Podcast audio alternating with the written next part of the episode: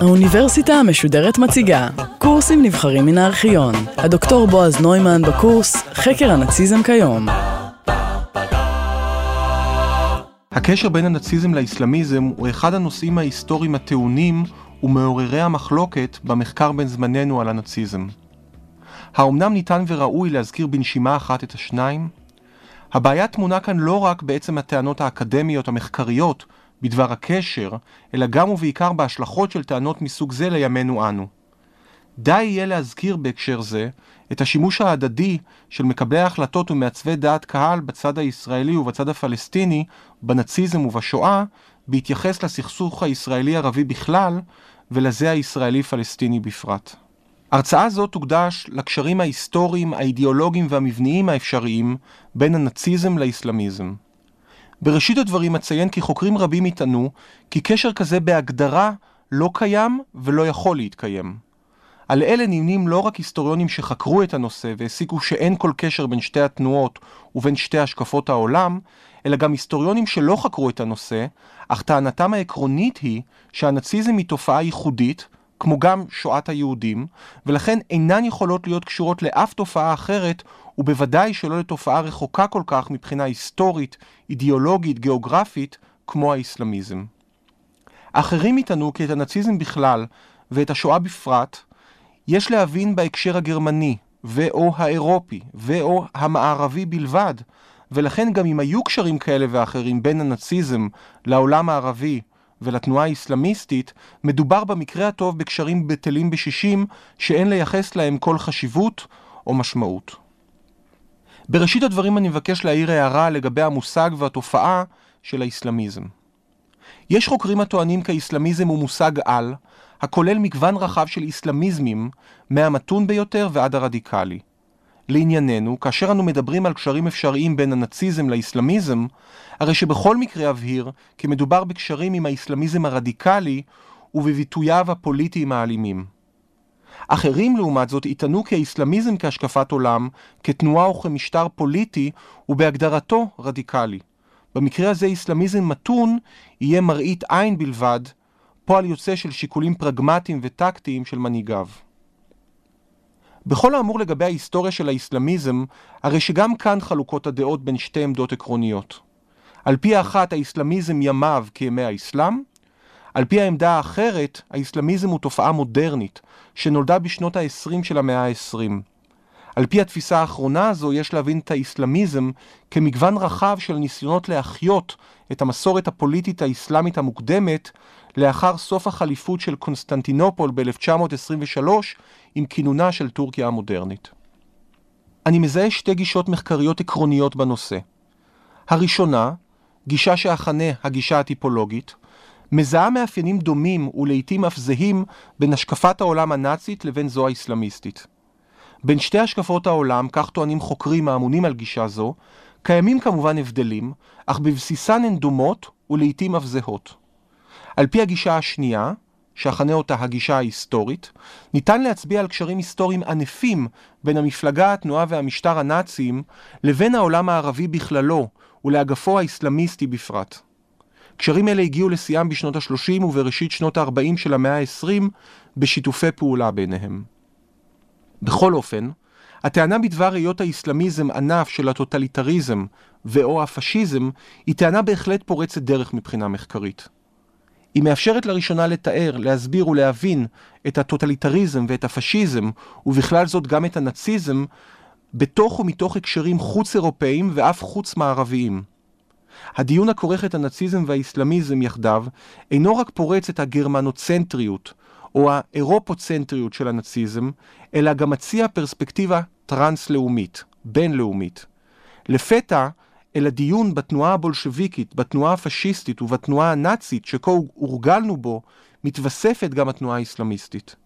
לרשימת המנהיגים שכללה את לנין וסטלין, מוסוליני והיטלר, אנו יכולים פתאום להוסיף שמות אחרים, פחות מוכרים להיסטוריון של אירופה, כמו חסן אל-בנה, מייסד תנועת האחים המוסלמים. אפתח כאמור בגישה הטיפולוגית. חוקרים האמונים על גישה זו טוענים כי את האסלאמיזם יש לזהות כענף של התנועה הטוטליטריסטית או הפשיסטית שהופיעה בזמן מלחמת העולם הראשונה או לאחריה. מה משותף אפוא להשקפת העולם הנאצית ולזו האסלאמיסטית? המחקר בין זמננו מציע דיונים השוואתיים רבים ומגוונים בין השקפת העולם האסלאמיסטית לבין זו הנאצית. השוואה כזו, למשל, מציעים חוקרי מדע המדינה הנריק הנסן ופטר קיינס. טענתם העקרונית של השניים היא כי את השקפות העולם הללו, האסלאמיסטית והנאצית, ואליהן הם גם מוסיפים את זו המרקסיסטית הקומוניסטית, ואת הופעתן אין להבין באופן נגטיבי, היינו על דרך השלילה כפועל יוצא של היעדר דמוקרטיה, של תנאי עוני ואבטלה וכיוצא באלה. במקום זאת יש להבין אותן ואת האטרקטיביות שלהן באופן פוזיטיבי מתוך מה שהן מציעות. בכל האמור לגבי ההבחנה אודות המצב שבתוכו ומתוכו פעלו שלוש התנועות, הרי שכולן כאחת זיהו בעיה עקרונית ומהותית של חוסר צדק משווע בדמות ניצולה ודיכויה של הקבוצה הנבחרת. של הפרולטריון במקרה המרקסיסטי-קומוניסטי, של הגרמנים האתניים במסגרות הרב-אתניות האירופאיות השונות, של בני האומה המוסלמית במקרה האסלאמיסטי.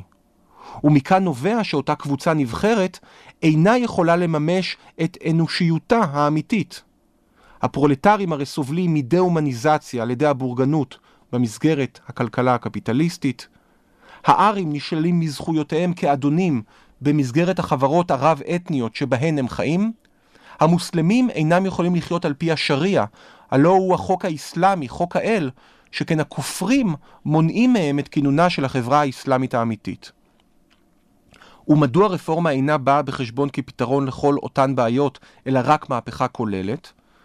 זאת משום שבהתאמה, לפי הנסון וקיינס, אי השוויון הכלכלי מובנה אל תוך הקפיטליזם של כל חברה המבוססת על רכוש פרטי, משום שהיהודים חותרים תחת טענת הארים להנהגה, ומשום שהג'היליה, הכינוי לתקופה שלפני בוא האסלאם, שבה חיו בני האדם ללא ערכים, משחיתה את האמונה האסלאמית. מכל זה נובע כי הסדר הטבעי כביכול מופרע בצורה מהותית מסיבות שמקורן בתהליכים ההיסטוריים ובאיזשהו חטא קדמון. יצירת הרכוש הפרטי, או הופעת הרכוש הפרטי במקרה הקפיטליסטי, עירוב גזעים עליונים ונחותים במקרה של החברות הרב-אתניות, או סטייה מדרך אמונתו של מוחמד בחברות הכופרות. אותו חטא קדמון מוביל בהתאמה למאבק בין מעמדי בין הפרולטריון לבורגנות, למאבק בין גזעי בין הגזע העליון לגזע הנחות, למאבק בין אמוני או בין אמונתי בין המאמינים לבין הכופרים במקרה האסלאמיסטי. מכאן עוברת כל השקפת עולם להתוויית פתרון בדרך לגאולה הנכספת. שלוש השקפות העולם, לפי פטר וקיינס, מבקשות לכונן מחדש את המצב הטבעי דרך ביטול הרכוש הפרטי במקרה המרקסיסטי-קומוניסטי, דרך הבטחתו של תואר גזע במקרה הנאצי, או דרך ייסודה מחדש של הקהילה האסלאמית המקורית באמצעות ג'יהאד במקרה האסלאמיסטי. בדרך אל הפתרון ואל הגאולה ניצב בהתאמה האויב, או נכון יותר הארכי-אויב, הקפיטליסט, היהודי, הכופר. אותו ארכי-אויב מונע את דרכה של האנושות אל הגאולה, ולכן הוא חייב להיות מחוסל במסגרת של מאבק לחיים ולמוות. אחד הטיעונים החשובים והמרכזיים בהקשר של הדיון הטיפולוגי הוא הקשר בין השקפת העולם הנאצית לבין זו האסלאמיסטית בכל האמור לגבי מקומו, מעמדו וגורלו הראוי של היהודי. שתי השקפות רוויות ללא ספק באנטישמיות קיצונית. חוקר מדע המדינה מתיאס קונצל קבע בספרו משנת 2002 ג'יהאד ושנאת יהודים כי לא זו בלבד שהתנועה האסלאמיסטית היא פשיסטית, אלא שבמוקד שלה מתקיימת אנטישמיות המכוונת בראש ובראשונה נגד היהודים. מדובר בעמדה קיצונית ביותר, ולפיה לא רק שכל דבר יהודי הוא רע, אלא שכל דבר רע הוא במהותו יהודי. זהו מבחינתו של קונצל הקשר החשוב והמהותי בין הנאציזם לאסלאמיזם. צירוף של הזיה אנטי-יהודית ומתודולוגיה שיטתית למימושה של הזיה זו. עד כאן לגבי הגישה הטיפולוגית. הגישה השנייה שציינתי, זו ההיסטורית, מבקשת לעמוד על הקשרים ההיסטוריים הקונקרטיים בין הנאציזם לאסלאמיזם. עוד לפני שאתאר את אלה, כפי שהתפתחו בעיקר בשנות ה-30 וה-40 של המאה ה-20, ראוי להדגיש כי בסופו של דבר, כפי שהראה חוקר מדע המדינה מדי מוזפרי, את עליית האסלאמיזם יש להבין באותו הקשר היסטורי שבו ומתוכו הופיעו השקפות העולם, המפלגות, התנועות והמשטרים הטוטליטריים מאז העשור השני של המאה ה-20. בעיקר מדובר בקריסת ארבע האימפריות, הגרמנית, זו של הרייך השני, האוסטרו-הונגרית, הרוסית והעות'מאנית במלחמת העולם הראשונה. שקיעת האימפריה העות'מאנית וקריסת חליפות קונסטנטינופול ב-1923 עוררה כמיהה עזה לשיבה אל תור הזהב של האסלאם. אל מול קריסת החליפות של קונסטנטינופול, עם הכרזת הרפובליקה הטורקית על ידי אטאטורק ב-1923, ביכה חסן אל-בנה, מייסדה ומנהיגה הראשון של תנועת האחים המוסלמים במצרים, את שקיעת האסלאם ואת פיזור מאמיניו בטריטוריות השונות שנמצאו עתה תחת שלטון המעצמות האירופאיות. בדומה לתנועה הפן-גרמנית ולעתיד לתנועה הנאצית, שביקשו לאחד בהתאמה את כל הגרמנים תחת שלטון אחד של גרמניה הגדולה או הרייך השלישי, כך ביקש חסן אל-בנה לקדם את רעיון הפן-איסלאמיזם דרך איחוד המוסלמים נגד השלטון הקולוניאלי. כל זאת במטרה לכונן מחדש את החליפות האסלאמית. היווסדה של תנועת האחים המוסלמים ב-1928 התרחש באותו עשור וחצי מכונן, שבו הופיעו המפלגות והתנועות הטוטליטריות שתפסו עד מהרה את השלטון במדינותיהן. המפלגה הבולשביקית ב-1917, המפלגה הפשיסטית האיטלקית ב-1922 והמפלגה הנאצית ב-1933. לאסלאמיזם תידרש עוד כחצי מאה לתפוס את השלטון בפעם הראשונה בתולדותיהם. זה יהיה באיראן. עיכוב זה בתפיסת השלטון על ידי האסלאמיסטים, לעומת המהירות שבה תפסו אותו הבולשביקים, הפשיסטים והנאצים במדינותיהם, הוא, לפי מוזפרי, הגורם המרכזי גם להקלת הראש האקדמית-מחקרית, וגם זו הציבורית, בסכנה הטמונה בתנועה האסלאמיסטית, וגם לאי ההבנה שאיסלאמיזם הוא בין תקופתם של הקומוניזם, הפשיזם והנאציזם. אני מבקש לבחון עתה בקצרה את הקשרים ההיסטוריים הענפים והמורכבים שנוצרו בין המשטר הגרמני הנאצי לבין העולם הערבי בכלל והתנועה האסלאמיסטית בפרט בשנות ה-30 וה-40 של המאה ה-20. ללא ספק, מדובר בפרק החשוב, ואולי אף המכריע בדיון המחקרי בין זמננו, בסוגיית הנאציזם והאסלאמיזם. המשטר הנאצי ביקש להתקרב אל הערבים והמוסלמים במזרח התיכון ובצפון אפריקה, וזאת תוך שהוא מציג את עצמו כגורם אנטי-אימפריאליסטי, ומכאן גם אנטי-בריטי. זאת בנוסף לטענה כי הוא דומה, ולא אחת אפילו זהה בהשקפת עולמו, להשקפת העולם הערבית-אסלאמית. בהיעדרה של נוכחות גרמנית בצפון אפריקה עד לשלב מסוים, ובמזרח התיכון בכלל, הרי שאחת הדרכים החשובות והמשמעותיות ביותר ליצירת הקשר עם העולם הערבי והמוסלמי הייתה באמצעות תעמולה מודפסת ומשודרת שהגיעה למיליוני קוראים ומאזינים. מאוקטובר 1939 ועד פברואר-מרץ 1945, כפי שראה ההיסטוריון ג'פרי הרף, שידר המשטר הנאצי שידורי תעמולה בערבית מעל גלי רדיו קצרים אל המזרח התיכון ואל צפון אפריקה. ברלין בערבית, כל ערב החופשית ותחנות רדיו נוספות שידרו מוזיקה, חדשות ופרשנויות במשך 24 שעות, שבעה ימים בשבוע. שידורים אלה והתאמתם לקהל היעד הערבי-מוסלמי היו פועל יוצא של שיתוף פעולה בין פקידים נאצים, בעיקר ממשרד החוץ הגרמני, לבין ערבים פרו-נאצים גולים שחיו בברלין. מבחינת הרף לא מדובר כאן אלא במפגש דרמטי בין שתי הגרסאות הקיצוניות ביותר של האנטישמיות. זו הנוצרית-גרמנית וזו האסלאמית-ערבית, על אדמת ברלין. וזאת על רקע תכנונו של הפתרון הסופי לבעיה היהודית ויישומו. לפי הרף, כל אחת מהתפיסות האנטישמיות הללו רק העצימה והקצינה את רעותה. הנאצים החדירו אל תוך האנטישמיות האסלאמית הקיצונית את הפן המודרני של האנטישמיות, ולהפך. במפגש זה הפך הנאציזם לפחות אירופוצנטרי, והאסלאם ליותר מודרני. כל אחד מהצדדים פיצה על חסרונותיו של האחר. לנאצים היו חסרים דוברי ערבית, ואת הידע המעשי כיצד לפנות אל הציבור הערבי-מוסלמי, בעוד הגולים הערבים מפלסטינה, מעיראק ומהודו, חסרו את היכולת הטכנולוגית להגיע אל ההמונים בארצותיהם. התעמולה המשודרת מברלין על העולם הערבי המוסלמי לא הייתה תעמולה נאצית שתורגמה לערבית. במוקד השידורים לא עמדו מיינקאמפ ולא הפרוטוקולים של זקני ציון, לא נאומיו של היטלר ולא אלה של גבלס. שידורי תעמולה אלה לא כללו תכנים של גזענות ביולוגית בהכרח, אלא אנטישמיות אנטי-יהודית ושנאת יהודים טהורה. המשטר הנאצי לא חגג בשידוריו את עליונות הגזע הארי, אלא הכריז על ידידותו לעמים הערבים ולמוסלמים, והצביע על השקפות העולם ועל האינטרסים המשותפים להם. על ידי כך ביקשו הנאצים בין היתר לעקוף את החשדות והחששות הערביים שהגזענות והאנטישמיות הנאציות הן גם אנטי-ערביות ואנטי-מוסלמיות. התעמולה הנאצית אל העולם הערבי-מוסלמי התבססה בעיקר על בחירה סלקטיבית של טקסטים מהקוראן וממסורות אסלאמיות כאלה ואחרות. בשידורים אלה התקיפו הנאצים בשפה חילונית את האימפריאליזם האמריקאי, הבריטי והיהודי, ובנוסף לכך פנו אל מסורות אסלאמיות ישנות של שנאת יהודים.